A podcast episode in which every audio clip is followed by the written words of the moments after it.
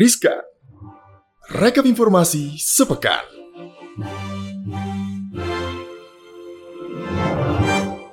Hai, selamat pagi, selamat siang, selamat sore, selamat malam. Jumpa lagi bersama saya Anak Wijaya Dan saya Monica Chua. dalam Riskan Rekap Informasi Sepekan. Wah, seru banget karena hari ini kita akan ngebahas berapa berita, Mon?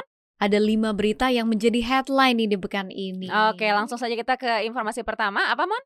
Ya, di mana ini berita yang cukup bikin deg-degan nih, Aneka. Di mana Pengpap Bekasi ini mengumumkan COVID Omicron katanya sudah masuk ke tanah air. Namun, Wah, bener nggak ya? Masa Nah, sih sudah dia. masuk di mana? Nah, itu dia. Tapi ternyata pernyataan ini dibantah oleh Kementerian Kesehatan nih, Aneka. Oh iya benar kata Siti Nadia Tarmizi selaku juru bicara vaksinasi COVID-19 Kementerian Kesehatan, pemerintah memastikan hingga saat ini belum ada varian Omikron di Indonesia. Jadi ini hoax ya. Jadi kalau teman-teman yang tinggal di Bekasi jangan takut dan teman-teman juga jangan ngebully daerah Bekasi ya karena ternyata enggak belum ada Omikronnya. Hmm, benar sekali. Nah, tapi kalau kata Dinas Kesehatan dari Bekasi, yakni kepala dinasnya begitu ya, Sri Eni Maniati, ini mengatakan empat orang warga Bekasi sudah terpapar virus corona varian Omicron ini setelah katanya melakukan perjalanan dari luar negeri dan juga dinyatakan positif COVID-19 jenis Omicron setelah melakukan pemeriksaan sampel di laboratorium Pharmalab. Jadi ini Wow, masih jadi menjadi gimana dong ini tanda bingung. tanya ya. Heeh, Heeh. Jadi yang mana yang benar? Tapi memang kadang-kadang suka terjadi perbedaan ya antara pemerintah pusat dan juga pemerintah daerah. Tapi yang pasti kalau yang ini tidak ada perbedaan ya. Karena ternyata ada pengganti aturan PPKM level 3 untuk Natal dan Tahun Baru. Wow, Hmm. kayak gimana tuh Mon? Ya, kayaknya nih namanya doang sepertinya diganti ya. Jadi kayaknya kita nggak boleh bersenang-senang dulu karena sebelumnya kan kita dengar bahwa PPKM level 3 ini dibatalkan tapi ternyata ada nih pengganti aturannya yang memang kalau kita lihat lebih longgar ya sepertinya Aneke di mana kita ketahui pemerintah membatalkan rencana pemberlakuan pembatasan kegiatan masyarakat atau PPKM level 3 yang awalnya ini akan berlaku selama periode libur Natal 2021 dan juga tahun baru di mana skema tersebut ini diubah menjadi pengetatan syarat perjalanan. Jadi namanya bukan PPKM level 3 tapi pengetatan syarat perjalanan. Apa nih Aneke. singkatannya PSP berarti pengetatan syarat perjalanan. Wow, baru lagi nih ya untuk edisi 2022 ya. Dan memang ini juga didukung oleh Wakil Ketua Komite Penanganan COVID-19 dan Pemulihan Ekonomi Nasional, Luhut Binsar Panjaitan, kalau syarat perjalanan akan tetap diperketat, terutama di perbatasan untuk penumpang dari luar negeri. Namun, kebijakan PPKM di masa Nataru atau Natal dan Tahun Baru ini akan dibuat lebih seimbang, katanya dengan disertai aktivitas testing dan tracing. Dan Luhut juga bilang kalau pertimbangan untuk tidak menempuh kebijakan tersebut berdasarkan penanganan pandemi COVID-19 di Indonesia yang menunjukkan perbaikan signifikan. Jadi kalau menurut Luhut ini, Indonesia sudah berhasil menekan angka kasus COVID-19 harian dengan stabil, artinya di bawah angka 400 kasus begitu ya. Benar sekali Aneke dan kalau kita lihat kasus aktif dan juga jumlah pasien yang dirawat di rumah sakit ini juga menunjukkan tren penurunan yang sangat signifikan ya di mana perbaikan juga terlihat pastinya dari tren perubahan level PPKM di sejumlah kabupaten dan juga kota. Nah, kalau kita lihat capaian vaksinasi ini juga menjadi pertimbangan nih dalam menerapkan PPKM level 3 di seluruh Indonesia ini pada saat periode Natal dan juga Tahun Baru yang akhirnya dibatalkan. Nah, misalnya saja kalau kita lihat Jawa Bali begitu ya, capaian vaksinasi dosis pertamanya sudah mencapai 76% dan dosis kedua memang lebih rendah mendekati 56%. Lalu kemudian kalau kita lihat capaian vaksinasi untuk para lansia, ini juga sudah mencapai masing-masing 64% dan juga 42% nih Aneke. Oke, artinya ini sudah cukup banyak ya, Mon, sebenarnya Mm-mm. yang juga sudah mau divaksinasi, terutama anak-anak muda nih yang sudah mendapatkan vaksinasi dosis pertama dan dosis kedua. Artinya kalau udah divaksin, imunnya udah kuat, udah boleh dong nih kita trading lagi di IHSG gitu ya.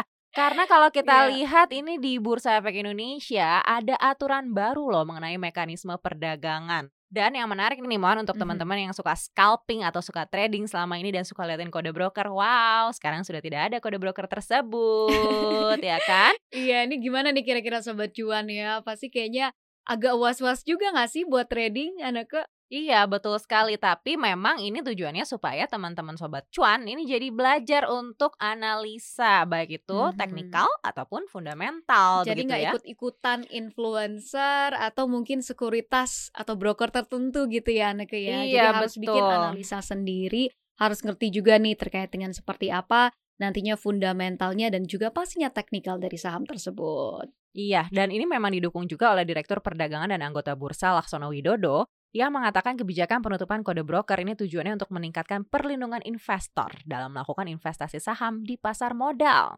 Wow. Nah, kalau kita lihat selain penghapusan dari kode broker ini, kita ketahui bursa juga menambahkan pengaturan baru ya dalam sistem pre-opening dan juga pre-closing yakni adanya penambahan fitur Indicative Equilibrium Price atau EIP dan juga Indicative Equilibrium Volume atau IEV dan juga Random Closing. Nah, aturan ini bertujuan untuk mendorong pembentukan harga penutupan yang lebih wajar dan mencegah pergerakan harga yang tajam saat penutupan dan pastinya meredam terjadinya manipulasi harga penutupan dan meningkatkan transparansi pembentukan harga penutupan dan juga pastinya yang terakhir ini adalah meningkatkan terjadinya transaksi di sesi pre-closing. Wow, dan ini memang kalau kita lihat penerapan fiturnya sudah diterapkan di beberapa bursa saham global ya. Jadi kita bukan yang pertama, alias kita ini udah harus mengikuti begitu sesuai dengan bursa-bursa lainnya.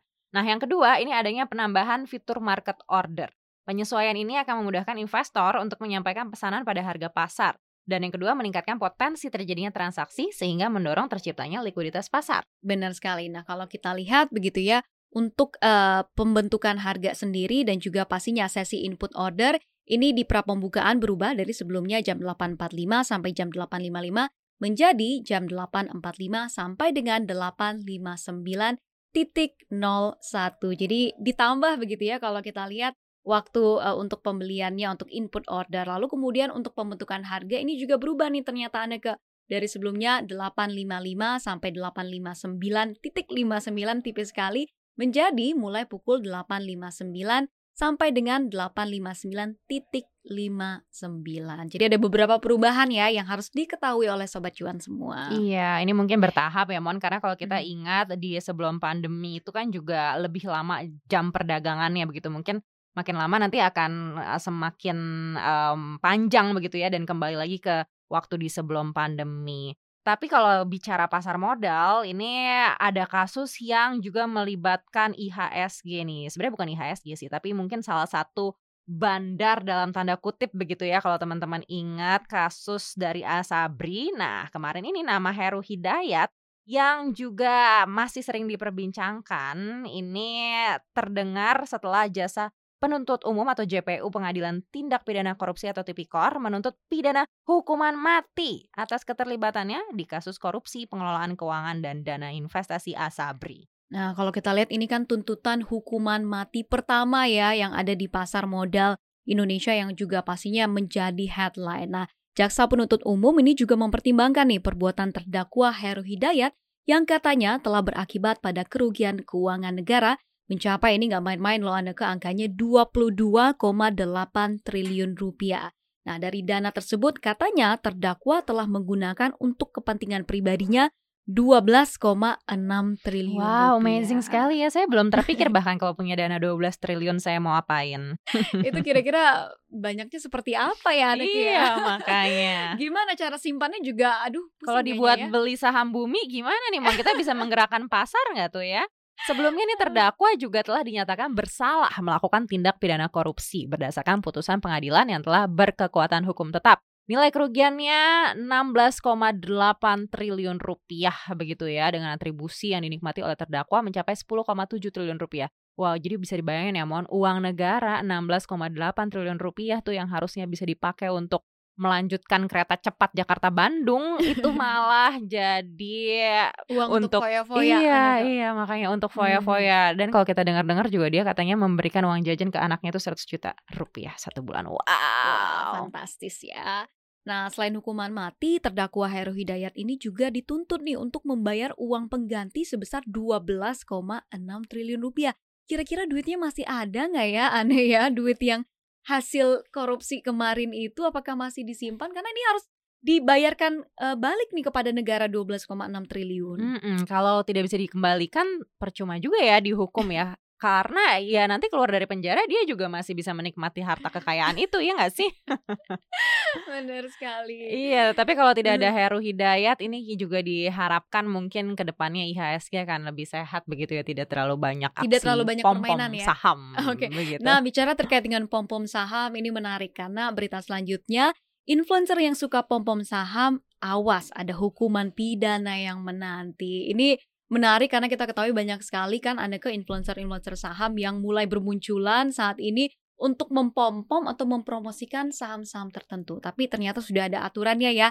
Jangan sampai nanti terindikasi mempom-pom saham akhirnya hukumannya harus pidana nih nanti. Iya, karena sudah banyak juga ya orang menjadi korban pom-pom saham ini. Kita mungkin adalah beberapa di antaranya ya, Monica yang pernah menjadi korban dari pom-pom saham. Dan juga OJK memperingatkan sekali lagi nih, kalau influencer juga bisa terkena hukuman pidana begitu ya. Pom-pom saham itu apa sih sebenarnya? Pom-pom saham itu biasa diartikan sebagai upaya merekomendasikan saham tertentu oleh influencer di media sosial. Tujuannya mengajak masyarakat membeli atau menjual saham yang seolah-olah menjanjikan keuntungan tanpa alasan atau fundamental yang jelas. Ini nih yang suka bikin harga-harga tiba-tiba naik nggak jelas nggak ada fundamental dan secara teknikal juga nggak nyambung. Tapi tiba-tiba juga iya, gitu kadang ya, tapi tiba-tiba bisa aja bisa, tiba-tiba sahamnya arah naik. gitu. Uh-uh, Nah, seperti ini pasti ada seseorang di baliknya yang mempom-pom saham tersebut. Iya, seperti mereka yang terjadi di dipanggil bulan. Januari ya. Tahun 2021 lalu ya. Oke. Ya, dan kalau kita lihat anggota Dewan Komisioner Otoritas Jasa Keuangan OJK bidang edukasi dan juga perlindungan konsumen Tirta Segara ini memperingatkan ya aturan dalam memberikan rekomendasi saham yang juga katanya diatur nih dalam Undang-Undang Pasar Modal di mana aturan itu tertera di pasal 34 yang menyebutkan bahwa yang dapat melakukan kegiatan sebagai penasehat investasi ini adalah pihak yang telah memperoleh izin usaha dari OJK. Jadi nggak boleh sembarangan nih sebenarnya untuk merekomendasikan suatu saham atau memberikan nasihat investasi kalau tidak punya lisensinya nih dari OJK. Iya, karena tidak ada yang bisa bertanggung jawab juga atas semua teori-teori yang disampaikan gitu ya kalau orang itu nggak punya license gitu. Jadi ini semakin lama semakin eh, diberikan regulasi yang jelas begitu ya oleh OJK dan ini harus kita apresiasi juga. Kemudian dalam pasal 93 disebutkan setiap pihak dilarang dengan cara apa pun membuat pernyataan atau memberikan keterangan yang secara material tidak benar atau menyesatkan sehingga mempengaruhi harga efek di bursa efek apabila pada saat pernyataan dibuat atau keterangan diberikan yang A apa Mon? Ya, di mana pihak yang bersangkutan atau sepatutnya mengetahui bahwa pernyataan atau keterangan tersebut secara material tidak benar atau menyesatkan. Lalu kemudian yang B, pihak yang bersangkutan tidak cukup berhati-hati nih dalam menentukan kebenaran material dari pernyataan atau keterangan tersebut. Nah, Tirta juga mengingatkan di sini, jika influencer yang di-endorse melakukan rekomendasi ke publik, maka bertentangan dengan aturan undang-undang tersebut dan jika dia bukan penasehat investasi yang memiliki izin sesuai ketentuan OJK tadi. Jadi mesti wow. influencer yang ada saat ini kayaknya mesti lebih hati-hati lagi nih ya buat kasih-kasih rekomendasi karena ternyata ada nih aturan dan juga undang-undang pasar modal terkait dengan memberikan rekomendasi atau nasihat investasi nih anak Mm-mm, yang kita harapkan ini memang bisa membuat persaingan menjadi lebih sehat begitu ya Mon. Dan juga em, untuk influencer-influencer mungkin harus bersiap-siap juga ya karena kehilangan cuan juga ya dari endorsan-endorsan sekuritas itu ya. Tapi memang Iya. menarik ya karena kalau kita lihat ini mereka mendapatkan keuntungan pribadi tapi memang tidak memedulikan apa yang akan terjadi pada investor-investor atau followers mereka yang akhirnya beli saham tanpa analisa yang jelas gitu ya. Benar sekali. Pastinya hal ini juga sering merugikan juga ya masyarakat apalagi yang cuma ikut-ikutan beli karena seseorang influencer menyarankan saham tersebut akhirnya ikutan beli ya lalu kemudian sahamnya anjlok gitu anak jadi sebenarnya bagus juga sih ya ada aturan seperti ini. Hmm, kita lihat nanti ya Mon dengan adanya aturan-aturan yang sudah dibuat bursa efek ini ya mulai dari kode broker lalu juga hukuman eh, terkait dengan pom-pom saham ini efektif nggak sih untuk nanti mengurangi aksi goreng saham gitu? Atau jangan-jangan masih ada celah juga gitu ya yang bisa dipakai? Karena kan biasanya memang kejahatan itu lebih kreatif gitu ya.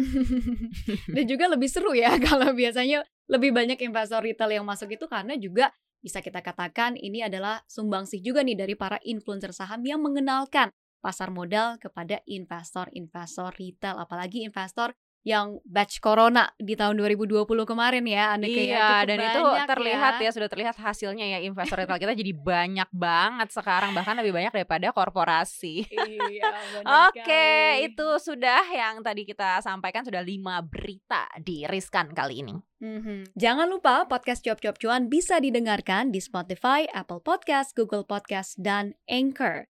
Dan jangan lupa juga pastinya untuk follow Instagram Cuap Cuap Cuan di @cuap underscore cuan. Dan jangan lupa juga nih Sobat Cuan untuk subscribe YouTube channel kita di Cuap Cuap Cuan. Jangan lupa di komen, di like, dan juga pastinya di share sebanyak-banyaknya. Baik, saya Monika Cuan dan rekan saya Anneke Wijaya pamit undur diri. CNBC Indonesia Beyond Business.